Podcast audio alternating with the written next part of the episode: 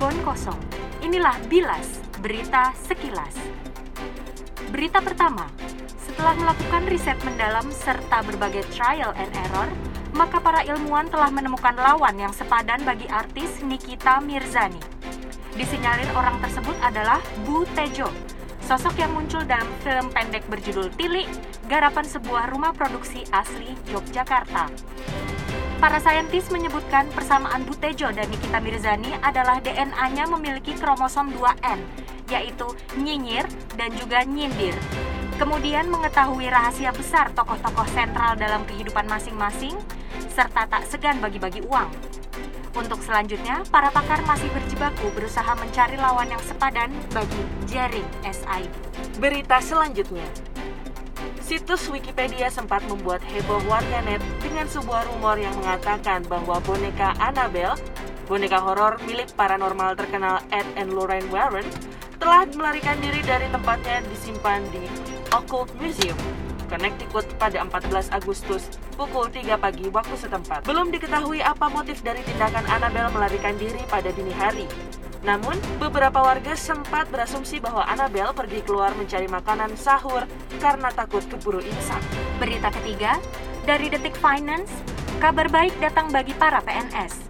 Mulai awal tahun 2021, semua PNS dari seluruh instansi akan mendapatkan suntikan dana pulsa sebesar Rp200.000 per bulan.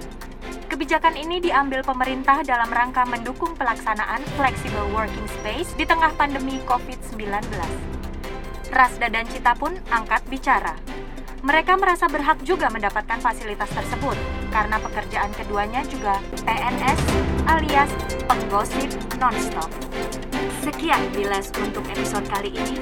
Pemirsa, jangan lupa dibilas biar tuntas.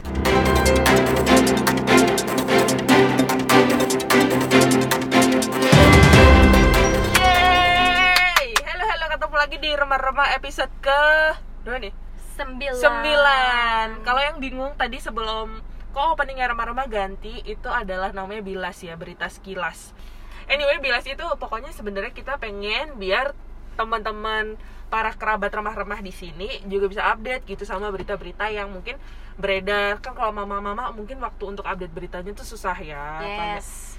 Jadi kita pengen memberikan sebuah Fasilitas. Mm, untuk para mama-mama ini bisa mengupdate berita-berita yang terkini termasuk yang lagi ngehits kan ada si Butejo itu Iya. yang akhirnya jadi meme di mana-mana.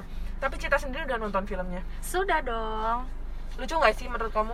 Menurut aku, ya bukan lucu lagi. Itu adalah Butejo adalah aku sepertinya. oh baik. Butejo adalah aku. Pokoknya kata-kata mutiara yang eh, aku ingat dari Butejo adalah dadi wong ki mbok sing solutip. Ah, ah, benar. Solutip kan yang buat bungkus-bungkus Oh itu itu ya. selotip kak. Oh, bukan. Hmm. Kita mau membahas tentang eh kalau mau nikah tuh gimana sih gitu. Gimana apanya ya? Jadi kan kemarin kemarin kita sempet ngebahas tentang persiapan pernikahan tapi dari segi Acara Dari nikahnya. segi acaranya vendor WO, Endesbre, Endesbre dan Pawang Hujan. Nah sekarang kita mau eh, membahas persiapan dari dalam. Nggak, jadi sebenarnya kita lebih mau membahas kehidupan setelah nikahnya gitu. Sebenarnya apa aja sih yang harus dipersiapkan kira-kira? Hmm, Jadi sebelum kita kejeblos ke sebuah lubang pernikahan lubang hitam yang sangat dalam. ya curcol ya. Ya, Makanya, makanya kita mau ngasih tahu nih khususnya buat teman-teman yang belum merasakan apa Anda mau ngasih tahu jangan menikah? bukan maksudnya eh, mau kasih tahu khususnya buat teman-teman yang lagi dengerin yang kebetulan belum menikah Heeh. sebelum anda pegang itu buku Garuda Heeh. sebelum distempel sah sama eh, ini sama pengadilan negara nah ini kudu didengerin dulu jadi eh, apa sih yang perlu disiapin kalau misalnya kita tuh mau melangkah ke jenjang pernikahan gitu Sebenarnya emang pernikahan itu apa sih, Cip? Pernikahan itu Pernikahan itu adalah dini karena bukan cintanya yang terlarang. iya namun eh, hanya waktu saja belum Iya, tepat iya. gitu jadi eh bentar we jadi bingung eh, ini sebenarnya sebenarnya mau nanya ke Yu Yu nggak boleh lihat berarti Oh, ya gitu. eh udah terlanjur baca belum Udah. Ya kita ulang ya maaf Enggak jangan kamu udah dilanjutin aja. Wih Thomas grogi banget nih Terima kasih. Jadi kita pokoknya mau membahas Kekeh ya pantang menyerah gue. Jadi hari ini kita membahas mau membahas kalau mau nikah. Aku diketawain. Eh, hari ini kita membahas kalau mau nikah. Jadi kita akan memulai pembicaraan ini dengan bertanya eh, berapa pertanyaan nih? 11 pertanyaan, kurang banyak ya. Ngalah-ngalahin soal CPNS. Jadi kita akan bertanya kepada Rasda karena yang ngumpulin pertanyaannya adalah saya. Jadi kalau saya jawab sendiri, nanti saya udah tahu pertanyaannya. Oke. Ya, apa-apa dong. Jadi aku akan menanyakan 11 pertanyaan seputar pernikahan kepada Hmm, Rasda. boleh. Sebenarnya ini agak ya karena Rasda udah beranak pinak jadinya ya ya agak basi sih ya kalau ditanyain. Cuman karena nggak ada oknum lain dalam siaran ini jadi aku akan menanyakannya kepada kamu kepada Baik. siapa lagi. Itu sebenarnya ini kan kita di studio kebun kosong ya jadi kan karena studionya mewah jadi eh, kaca kaca apa dinding dindingnya tuh transparan gitu. Terus di depan tuh ada anak kecil lagi main sepeda sih. Kita tanya aja ke mereka boleh jadi tapi kalau kita tanya ke mereka bisa jawab nggak ya ya udah tanya ke Rasda aja Rasda Diana baik. menurut kamu pernikahan itu apa sih Teto tidak dapat 2 juta rupiah oke Apa ya pernikahan tuh apa gitu kan? Mm-mm. Bahasa Indonesianya wedding. Ya Eh, bukan salah. Bego kan.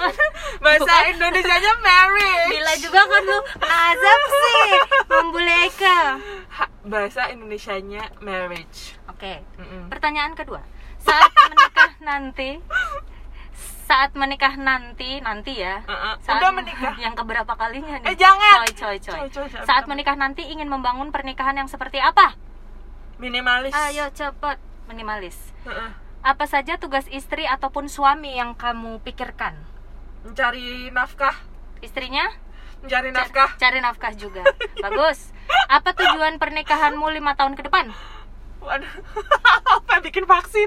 bikin vaksin bagus mau punya anak berapa Udah dua aja.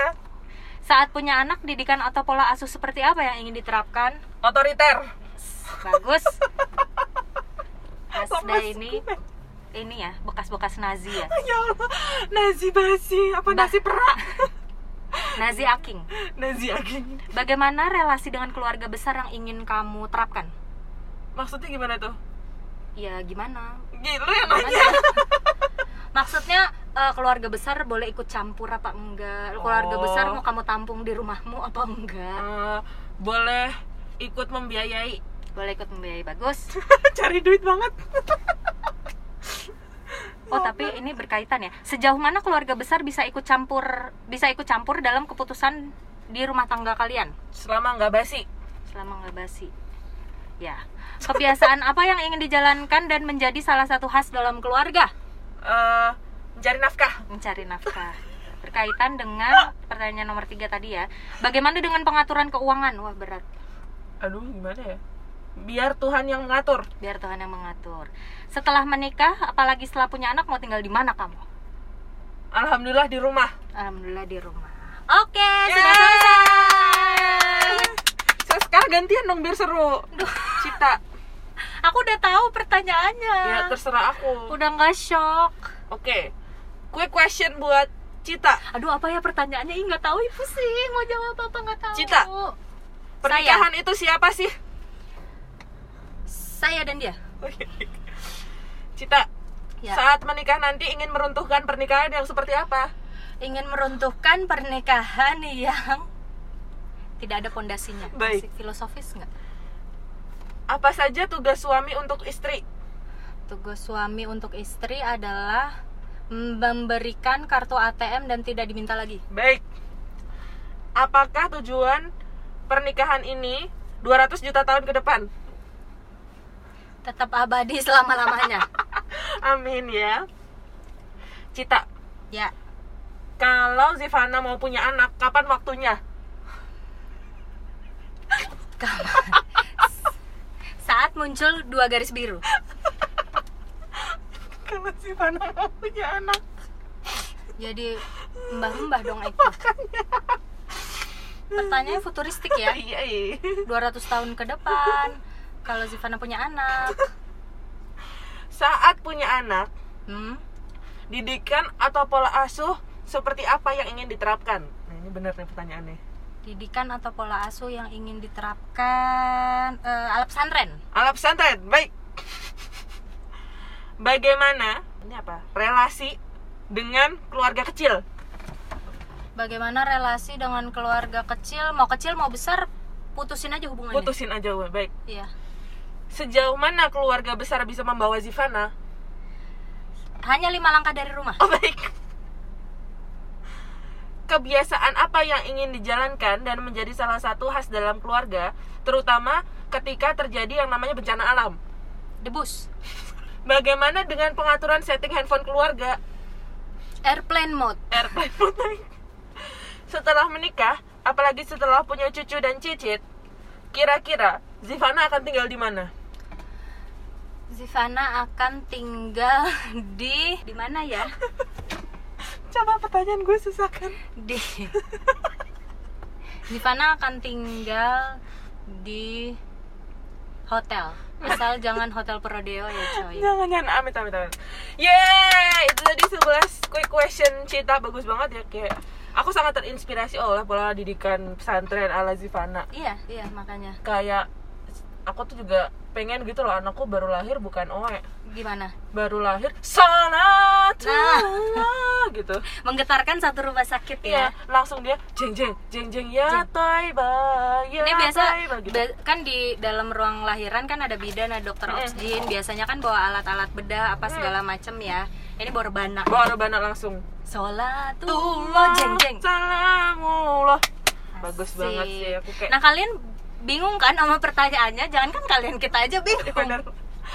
jadi jadi gini intinya eh, tadi tuh cuman intermezzo aja intermezzo apa ngaco jadi tadi tuh sebenarnya pertanyaan-pertanyaan yang kita ajuin itu sebenarnya tuh penting banget loh dalam rangka menuju ke pernikahan jadi ini adalah pertanyaan-pertanyaan yang wajib dilontarkan antara Mm-mm. kamu dan pasangan sebelum kamu memutuskan buat ya aku akan menikah dengan kamu Iya, jangan ditanya sama sembarang orang di tengah jalan, bingung dia. enggak nggak bisa nggak Apalagi bisa. polisi itu yang lagi ngatur parkir ya kan. Pak, pola pendidikan apa yang akan Bapak terapkan? Siap, siap. terkena semprit kamu Yoi. gitu jadi itu tuh walaupun tadi jawab yang ngawur-ngawur sebenarnya pertanyaannya itu serius. Jadi eh, terkait sama tema yang pengen kita angkat eh, untuk episode kali ini jadi sebenarnya kalau misalnya nikah itu nggak sekedar cuman nikah yuk yuk kayak ngajak ke Indomaret jalan yuk yuk ayo gitu. Tapi persiapannya tuh juga harus panjang gitu loh menurut Eike menurut Ye bagaimana? Ya, betul sekali. 100. sangat membantu sekali Nah, Rasda jadi emang apa ya mungkin kalau ya itu kan kemarin kita udah sempat singgung kalau bride bridezilla istilahnya itu Mm-mm. bingung mikirin ntar acaranya bakal gimana bla bla padahal jauh daripada itu yang lebih penting mikirin gimana sih habis nikahnya kayak kemarin cita apa ceritanya nikahnya semalam iya nikahnya apa bukan acaranya semalam nikahnya beribu-ribu malam apa gimana kemarin? Hah, yang mana? Quotes. Ah ya udah deh. Maaf memori saya pendek Ya cuma satu bait.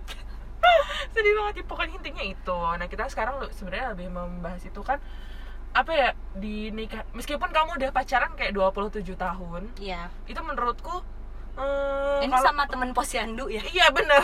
27 tahun. Itu apa kalau udah nikah tuh tetap aja banyak yang menurutku nggak ketahuan pas betul. ah, pas pacaran gitu. Betul. Meskipun kamu udah ngerasa kayak ih dia kalau pacaran sama aku juga kentut sembarangan. Eh, mohon maaf kalau misalnya udah nikah dia nggak cuma kentut sembarangan kak ya sampai kan? main seret juga bisa iya kak. bisa bisa banget. Setuju. Jadi eh, ngomongnya dari hati banget nih Cita jadi aku di sini eh, biar gampang deh ya aku mau eh, bercerita Mm-mm. dari eh, sisi orang yang eh, menikah karena terpaksa menikah kampus iya aku nikah dipaksa coba tapi aku juga kak tenang Jadi- aja tahu nggak tau nggak aku nikah dipaksa sama siapa Siapa? sama diriku sendiri Oh baik. Geblek nggak? Jadi aku sebagai perwakilan eh, mempelai wanita yang menikah eh, selayaknya yaitu mau pergi ke Indomaret. Eh nikah yuk yuk yuk gitu. Udah. Jadi mm-mm. jadi di sini aku mau eh, nge-share ke teman-teman jangan seperti saya. yang Rasda bilang tuh bener lu mau pacaran lama-lama kalau misalnya eh, nikahnya nggak pakai persiapan mental yang serius nanti tuh pas apa pas udah berumah tangga beneran itu tuh beda Emang Cita pacaran berapa tahun? gitu jadi aku kebetulan pacarannya itu sudah lima setengah tahun apa ya jadi KPR udah lunas ya. Terus lanjut Mm-mm. mau eh, kredit ruko. Jadi li- udah lima setengah tahun. Kan jadi tuh gini aku waktu mau nikah itu ya Eh segan berarti pacarannya dari semester 1 semester berapa ya?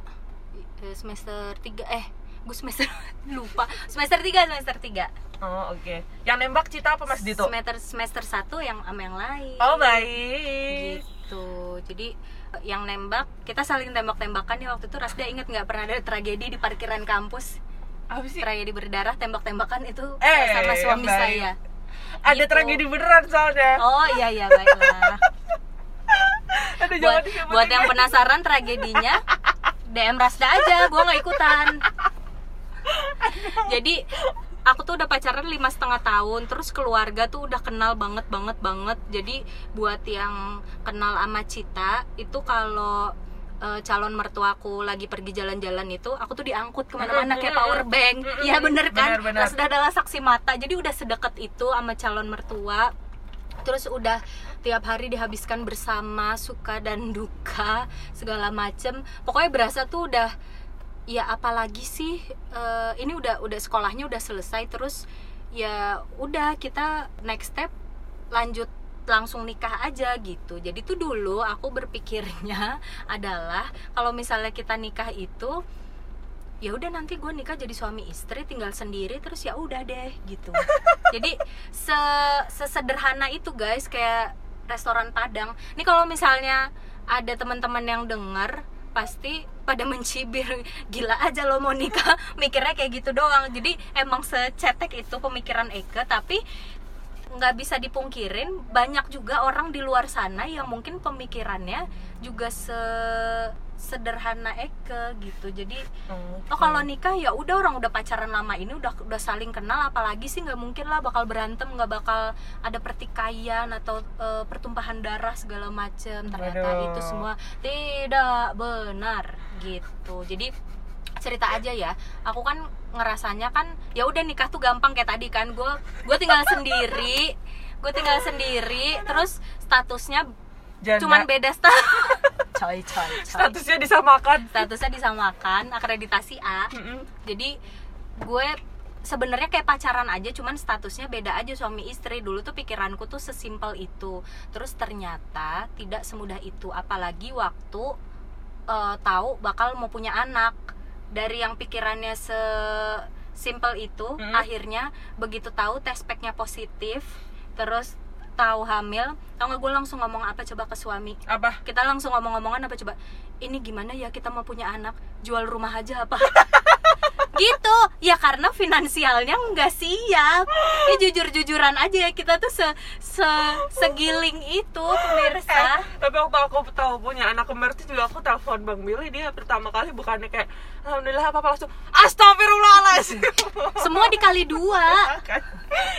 Astagfirullahaladzim. makanya jadi jadi apa namanya nggak nggak sesimpel nggak se apa ya nggak seindah itu ya indah sih kalau awal bulan ya kalau akhir bulan tuh udah mulai kerak-kerak neraka udah pada berjatuhan tuh dari dari atas ya jadi nggak se nggak segampang itu aku mau nikah tinggal meresmikan ikatan percintaan ini di bawah di bawah di bawah batu nisan ini. Wah. dari tadi gue dari tadi ngomongnya jelek-jelek mulu ya. Nggak nggak maksudnya Astagfirullah, buat buat yang buat yang udah nikah pasti ngerti maksud Eke. Jadi tidak tidak selamanya indah tapi tidak selamanya eh, mengerikan juga yang namanya nikah gitu jadi butuh persiapan mental butuh persiapan finansial butuh persiapan segala-galanya nggak cuman makan cinta doang kan cinta tuh nggak kenyang Iya ember. Jadi tuh kalau dari aku setelah nikah,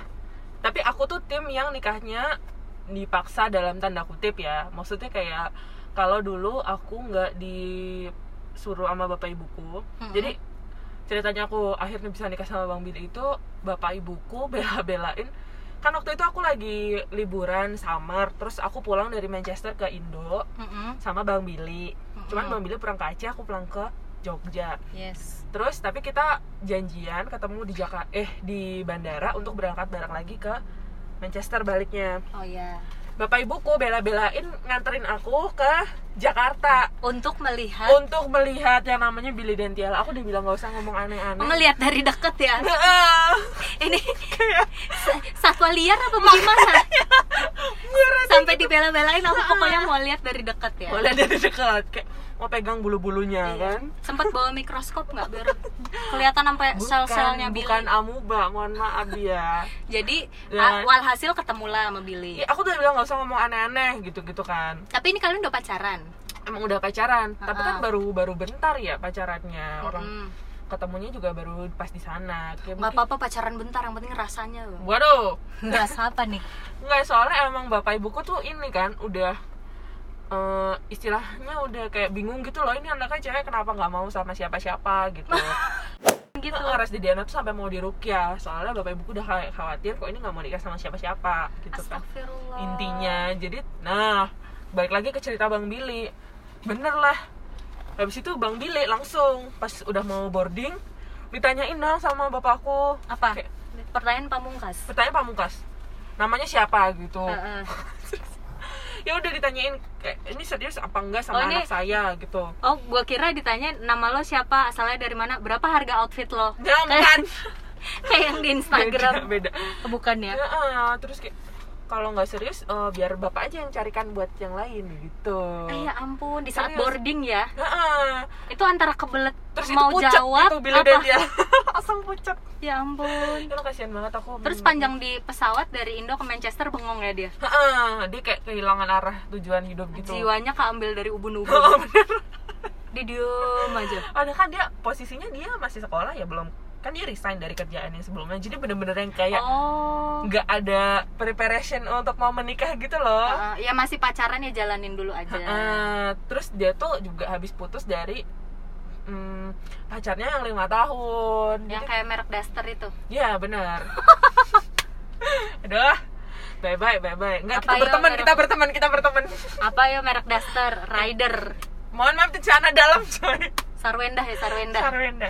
Anyway, akhirnya terus ya udah. Tapi itu bener-bener kejadian yang bapak bapakku beneran yang nyariin nyariin calon yang lain gitu loh. Padahal ya udah saking dia ngebet. Akhirnya nah untungnya si Billy nih orangnya kayak ya udah gitu loh. ya udah yuk kita ayo Kayak dia aja. memang yang tipe orang yang tujuan hidupnya tuh oh ya nikah, punya anak, punya rumah gitu-gitu doang. Ya ini ya maksudnya terpola se- selayaknya manusia Iya, pada tapi umumnya simpel mungkin yang kayak cita gitu loh. Kayak nikah ya udah gitu-gitu, Oh, bukan iya. yang kayak gimana. lah coba gimana. dulu gue kawinnya sama Bang Billy gimana nangis nangisan sampai sekarang kayaknya Nah padahal aku tuh yang udah pikirannya macam-macam gitu mau nikah dalam arti aduh ini nanti gimana ya yang ngepikirin dari mulai eh banyak tujuan pemikiran hidupnya gi- di gimana terus habis itu mau punya anak berapa ngasuhnya gimana terus financially gimana bukan bukan dalam arti dia punya tabungan berapa atau punya aset apa ya cuman kayak lebih ke pembagian tanggung jawab sebagai breadwinners di keluarga tuh gimana Hmm. sih siapa sih kan? Soalnya aku aku tuh pengen kerja tapi pengen buat aku sendiri gitu loh. Bukan, aku juga. Bukan yang kayak buat kasih nafkah keluarga gitu. Iya, iya, iya, iya, ngerti gak sih? Bener-bener kayak ya udah soalnya aku pengen kerja bukan pengen kerja sebagai aktualisasi diri aja sebagai apa yang apa yang aku lakukan sebagai kebahagiaan bukan yang soalnya kalau kita kerja sebagai pencari nafkah tuh kan bebannya lebih berat ya kan Yes. nah aku tuh nggak nggak pengen yang kayak gitu. Tapi kalau misalnya mau bantuin ya nggak apa-apa. Cuman aku nggak mau sebagai yang tulang punggung gitu loh. Mhm, mhm, anaknya males banget ya. Tapi ya Wah. gitulah intinya. pokoknya sebagai tulang ayam. Iya apa apa kayak tulang kering gitu boleh. Eh tapi bohong tahu Rasda kan bilang eh bukan bukan soal Bang Billy punya aset berapa segala macam aku tuh lihat pas kawinannya Rasda orang kan ngasih mas kawin kan seperangkat alat sholat ya ini dia jajaran surat tanah tanah kuburan bye bye astagfirullah astagfirullah Astagfirullah, udah maghrib sis. Oh, oh, tanah kuburan sekarang disewain tau Oh ya, buat? Lihat buat Buat- orang mati menurut Oh, aku. enggak enggak. Sumpah gua kira itu tanah Enggak, kuburan. itu kan kamu kalau tanah kuburan tuh emang ada yang sistem sewa gitu per tahun apa per lima tahun berapa gitu bayar. Kalau di nggak bayar ya itu dikasih ke orang lain. Tapi kalau orang yang udah meninggal masuk situ bayar, sewanya tetap berjalan. Ya, i- i- ya emang gitu. Oh, pokoknya dikotakin sekapling, lu tiap tiap tahun lu bayar. Jadi misalnya ada orang meninggal, misalnya kayak di dikubur di situ, dia nggak mau nih kuburannya dipakai sama orang lain, ya udah dia Lah emang kuburan bisa dipakai orang lain? bisa. Oh, sharing roommate gitu ya? Kayak Iya, sharing. kayak ntar eh, apartemen lantai berapa gitu loh. Oh iya iya iya iya iya. kan bisa dikeduk ya. lagi dimasukin lagi dikeduk lagi dimasukin lagi kan orangnya jadi busuk kak Oh, iya. Kusun ya, kuburan susun, iya bukan mas- rusun. serem banget Oh, sumpah tadi tuh gue kira ini sebenarnya eh, apa namanya areal perkuburan, tapi ada orang bandel, oknum bandel disewain gitu. Tetap disewain buat usaha. Jadi ini kuburan tapi atasnya dipakai jualan Tahiti apa gimana? Sumpah gue mikirnya gitu. serem banget nggak ya kayak intinya kayak gitu nah terus jadinya karena dia orangnya kayak gitu habis nikah juga kalau bukan bang Billy yang maksa mau punya anak aku kayaknya belum punya anak juga gitu loh. Jadi kayak kalau nggak orang tua aku maksa aku suruh nikah aku kayaknya belum nikah kalau nggak punya anak. Tapi eh, maksudnya kalau bang Billy nggak maksa pengen punya anak ya aku nggak punya anak gitu. Tapi kan bukan berarti nggak pengen gitu. Tapi maksudku kalau jadi gini kan emang nikah harus dipikirin Mm-mm. macam-macamnya. Kayak mungkin tadi dari segi financial dari segi mental dari segi apa sih tujuan hidup macam-macam. Karena asli susah banget. Eh, maksudnya orang yang tujuannya udah sama aja tuh pasti ada perintilan yang beda nggak sih? Nggak mungkin kan satu Iya. orang tuh otaknya sama kayak kita. Hmm, nanti ketemu perempatan yang satu ke kanan, yang satu ke kiri. Nah, itu tuh jadi paling enggak menurutku yang penting tuh dicari tahu kalau misalnya ada perbedaan tuh dia mau diskusi nggak. Kalau menurutku sih cari, cari pasangan. Karena hampir nggak mungkin bisa cari orang yang bener-bener satu visi misi tujuan hidup gitu loh Yuk kayak wong sama diri you sendiri aja. heeh. maksudnya aku juga kalau suruh kawin sama diriku sendiri aku juga males gitu. Aku aku juga suka sebel sama diriku sendiri kan ya, Iya, orang nggak jelas banget sih gitu aku juga sering sebel Baiklah, tapi akhirnya sebelum you orang nikah, you orang diskusi nggak berdua kan? Kan ini ceritanya kan Rasda oknum yang berpikir kan, maksudnya ini Mm-mm. mau nikah tuh kita harus gini-gini dulu, nanti Mm-mm. ini gimana ini gimana. Sementara Mm-mm. Bang Billy kan, ya udah nikah ya, ayo Mm-mm. aja sah gitu. Mm-mm. Nah, pada akhirnya kalian ngomong-ngomongan dulu nggak? Nah, ini kesalahanku guys, jangan ditiru. Aku tuh ngomong-ngomong, cuman tuh nggak menemukan titik temu sampai pernikahan, sampai akad. Oh, jadi berus udah berusaha diskusi nih kita hidupnya mau kayak gimana, tapi belum belum ketemu kesepakatan yang akhirnya tanggal hari H udah deket udah deket terus ya udah kita mau nikah terus mau ya, Heeh, ya tapi udah. jadinya tuh ini beneran meledaknya habis malah habis nikah gitu loh. Perbedaannya tuh semakin menganga gitu. Hmm, karena tidak terucap kata kesepakatan. Nah itu juga penting banget. Jadi mungkin hal-hal sepele ya semacam kayak eh apa sih hal sepele dalam pernikahan yang menimbulkan ini? Hal sepele itu sebenarnya kalian sepele tapi penting banget kalian tuh harus buat MOU kalau perlu disaksiin pengacara menotaris anduk basah habis dipakai itu dijemur apa ditaruh di atas kasur itu tuh bibit dari segala keributan rumah tangga di semua orang Kalau aku akuin deh bukan, kalau aku bukan. Apa? Coba itu tulis di MOU ya. Orang kalau habis dari keluar kamar mandi itu lampunya dimatiin nggak tuh kira-kira? itu juga sebenarnya tuh gitu gi- sebenarnya tuh hal-hal hal-hal kecil kayak gitu pemicu pemicu ini Bener. pemicu pertikaian di rumah tangga tapi nggak nggak maksudnya tapi serius apa ini kalau ngomong serius itu ya ya bisa bisanya kita kompromi sama pasangan aja Ya cuman sebenarnya yang paling susah sih. Iya, nah itu sebenarnya hal besarnya itu adalah kamu mau nerima kebiasaanku nggak gitu. Itu poin besarnya itu. Jadi bukan per per apa ya bikin list per nomor. Eh, lu terima nggak kalau gua nggak matiin lampu? Lu terima nggak kalau gue ngambil baju yang di bawah langsung gua tarik nggak pakai diangkat? Maksudnya bukan gitu, tapi secara overall kalian bisa bisa berkompromi dan menerima nggak kekurangan dan kelebihan pasangan kalian gitu aku bijak nggak sih bijak sawah Bijak salah. Kalau aku lebih ke poinnya karena aku tim yang nggak mau menerima ya. pemirsa aduh habis ini bang Billy denger. Dipecat rasanya dia nah, mohon maaf.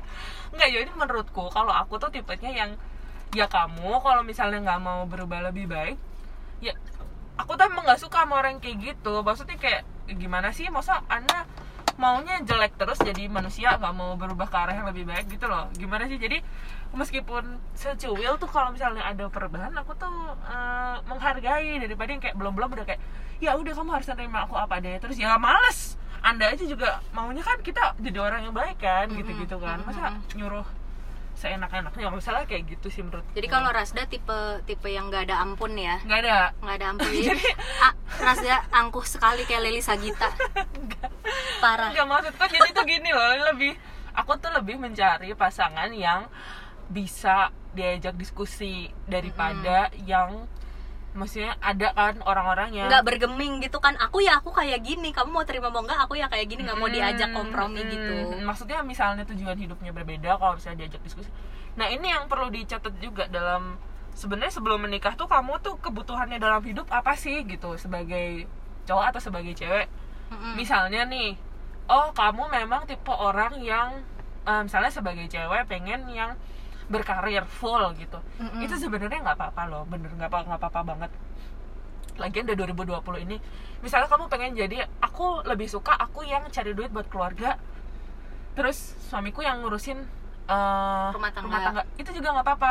Nah tapi kan kamu harus berarti cari misalnya suami yang dia men- lebih mau ngurusin rumah tangga. Berarti ada hal-hal yang kan harus kamu kompromiin. Misalnya kalau suami yang mau ngurusin rumah tangga itu eh, berarti dia mungkin kerjaannya nggak sekeren kamu misalnya. Hmm. karena ya kerjaannya keren akan menyita waktu gitu dia nggak bisa ngurus rumah tangga.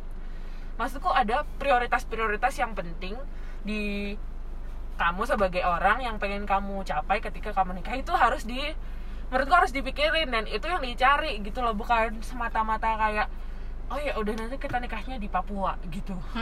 Ya udah itu kayak habis itu ya udah nggak nggak nggak gitu gitu gimana. Mungkin orang heboh pas kamu nikah karena Di gila nikahnya di Papua gitu di Raja 14 gitu. Ah. tapi itu nah itu yang sebenarnya aku baru sadar setelah nikah telat sih. Kayak oh sebenarnya aku tuh butuh orang yang kayak bla bla bla. Itu sebenarnya baru aku- sadar kan lo? Gue udah dari dulu.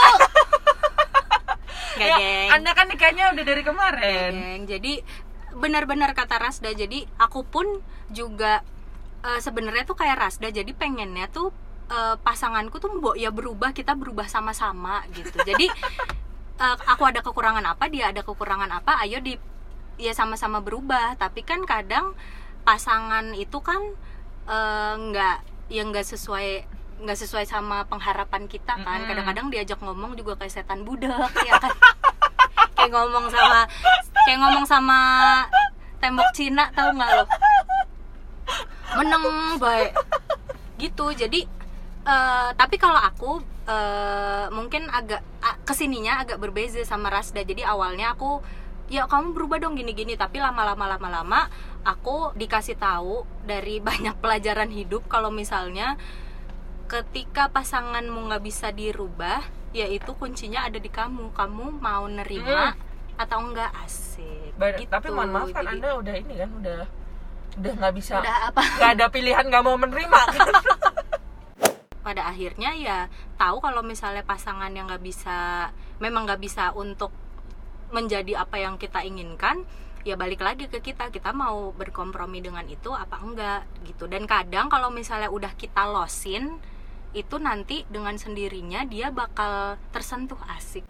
Perlu pemahaman juga tentang pasangan kalian nih kalau dia di aku begini dia begitu mau ini enggak mau kompromi enggak gitu. Terus apalagi ya tadi pengen ngomong tuh. Eh, apa hal yang menurut Cita? Kalau tadi kan aku udah sebutin ya Mm-mm. yang menurutku paling penting dilakukan sebelum menikah tuh adalah sebenarnya nanya ke diri kita sendiri apa sih yang kita butuhin dari pasangan atau sebuah pernikahan itu? Mm. kalau menurut Cita apa sih sebenarnya yang paling penting dari eh apa ya yang harus dipersiapin sebelum nikah? Jawabanku adalah uang lagi-lagi uang. Matre banget lu Cit. Nggak nggak cuman itu Eh, sebenarnya bukan yang amat sangat maha penting buat aku cuman eh, setelah ngejalanin kehidupan berumah tanpa tangga ya itu ternyata penting banget. Jadi siapkanlah diri kalian secara finansial untuk menghadapi namanya kehidupan berumah tangga. Tapi nggak perlu yang nggak perlu yang muluk-muluk juga gitu. Jadi gimana ya? Jadi aku tuh ini suka ngasih tahu ke teman-temanku misalnya yang belum kewong tuh aku kasih tahu kalau misalnya eh, banyak kan orang bilang nanti habis nikah ada rezeki nikah gitu kan. Mhm. ada aja rezekinya ada aja rezekinya gitu. Terus eh, percaya sama itu boleh dan aku udah udah ngerasain emang bener kayak Mhm. gitu. abis nikah emang alhamdulillah ya ya ada aja Mhm. rezekinya nambah gitu. Punya anak pun begitu. Nanti ada kok yang namanya rezeki anak udah tenang aja. Bener ini aku beneran emang ngalamin yang namanya rezeki anak itu emang ada. Tapi jangan 1000% bergantung sama itu tanpa kamu punya bekal yang konkret gitu loh. Ya gini namanya Tuhan ngasih rezeki itu kan pasti lewat sebuah jalan ya. Mm-mm. Di- di mana kita kalau manusia nggak ngebuka jalan itu dalam arti ah ntar gue pengangguran nikah tiba-tiba dapat Hmm. apa apa duit lotre gitu juga nggak bisa kayak gitu juga. Cuma diguyur aja pakai air keras. Bener. bangun gitu. Misalnya kalian belum ada tabungan nih misalnya. Terus kehidupan finansial kalian berdua tuh kelihatannya kalau di Terawang masih belum masih belum cukup nih buat ngebangun rumah tangga berdua. Mungkin buat hidup sendiri-sendiri ya cukup. Cuman buat berumah tangga nanti ngurusin rumah tangga nanti punya anak. Mungkin masih masih belum nih. Nah itu kalian jangan langsung main sat sat sat sat udah pokoknya kita nikah seadanya nanti ada rezeki dikasih dari Tuhan gitu. Nah maksudku tuh jangan jangan kayak gitu juga. Tapi jangan yang eh, misalnya kalian tabungannya udah cukup nih terus ditanya sama orang-orang eh, lu kenapa alasannya belum nikah? Kan nih pacarannya udah lama misalnya. Hmm. terus 31 tahun. 31 tahun tuh dari sebelum dibuat oleh orang tuanya dia udah pacaran ya. Jadi terus dijawab ah belum bro. Gue belum punya apartemen nih. Aset gue belum banyak. Terus eh, saham gue belum banyak. Sini sini gue tuh goalsnya gue mau gini gini gini gini dulu segala macem. Mau nyaingin Raffi Ahmad dulu baru gue mau kawin. Nah kayak gitu juga jangan gitu. Jadi Bener. kak pokoknya karena tiap rumah tangga tuh beda-beda kalian berdua ini yang bisa yang bisa naker sendiri-sendiri. Aku nggak bisa naker hidupnya Rasda sama Bang Billy cukupnya berapa Rasda juga nggak bisa naker hidupku cukupnya berapa. Pokoknya kalian yang tahu ancer-ancernya gitulah. Nan- nanti sambil berusaha dan berdoa mudah-mudahan emang Tuhan ngebukain rezeki Mm-mm. nikah sama rezeki anak kalian gitu. Yes. Karena aku jujur ya tipe yang tadi yang gue omongin kan kesannya jelek banget ya yang Bismillah aja gue nikah pokoknya nanti ada rezeki dari Allah. Nah itu tuh gue sebenarnya dulu ya kayak gitu. Bener-bener pelongo banget bekalnya secara mental secara finansial secara ap- apa deh secara segala macem deh. Udah nggak lolos gue tes. Kalau ada tes pra pernikahan gue nggak Ah, lolos sekarang ada pokoknya. tahu ada. surat kelayakan menikah anda nah tuh kan pasti gue dulu nggak distempel itu sama ininya sama petugasnya. Tapi kalau itu aku udah udah itu salah satu yang aku udah state dari awal sih. Aku udah bilang pokoknya aku mau sekolah spesialis gitu. Nah jadi nggak juga. punya duit gitu kan. Ah. karena ya ya udah habis buat sekolah duitnya. Itu Mm, mm, mm. gimana? Itu juga juga masalah karir tuh juga ini loh penting buat buat dikasih tahu. Kayak misalnya Rasda dia dari awal udah pasang pengumuman ke Bang Billy kalau misalnya nanti dia eh, udah jadi istri atau ibu tetap mau sekolah tetap mau nerusin pendidikan atau tetap mau kerja gitu. Terus kalau misalnya di case nya aku itu case nya suamiku yang sekolah. Jadi apakah aku ikhlas jadi pencari nafkah di keluarga itu tuh mesti mesti ini loh tapi kan mesti Cita juga sekolah juga kan? diomongin. Iya tapi karena karena sekolah laki gua lebih ya dia sekolahnya kan lebih lebih Ah. lama. Jadi suamiku tuh udah sekolah sekian tahun baru aku nerusin katakanlah sekolah. 14 tahun. Oh, katakanlah 14 tahun ya. Eh bener gak sih? Jadi coy coy coy. Tapi udah Bentar. semester berapa sih? 14 kan? sekarang semester berapa ya? Sampai lupa saya. Tuh kan. Jadi itu kalau di kartu kalau di buku rapot tuh udah sampai bablas halamannya tuh ditambahin halaman sendiri kesian gak lu? Kalau rapot kan sampai kelas 6 doang Hmm. SD terus habis kan halamannya. Nah ini tuh sampai ditambah sendiri. Gitu jadi ampun ya suamiku. Jadi suami gue sekolah duluan gue belum sekolah.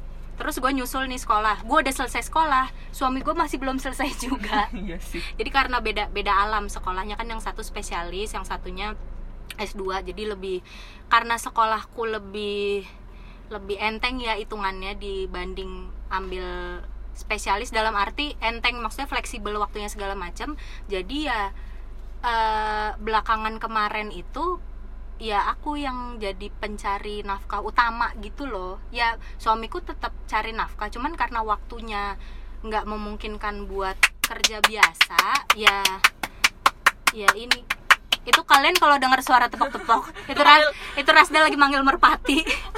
Bukan bukan salut dia bukan bangga. Dia lagi manggilin merpati. Ini ayam tetangga kok nggak mau pergi-pergi ya? Iya, jadi jadi gitu. Nah itu juga juga diomongin kalau misalnya lu ujuk-ujuk, aduh gue ini nih mau sekolah nggak ada nggak ada duit masuk gitu, Eh berarti gantian ya lu yang kerja istrinya yang kerja. Kalau istrinya shock kan nanti Mm-mm. bisa dituntut. Enak aja aku tuh mau jadi ibu rumah tangga gitu. Satu-satunya pekerjaan yang mau aku lakukan selama kita berumah tangga adalah check out keranjang Shopee. Nah Wali. itu gimana? Ya kan?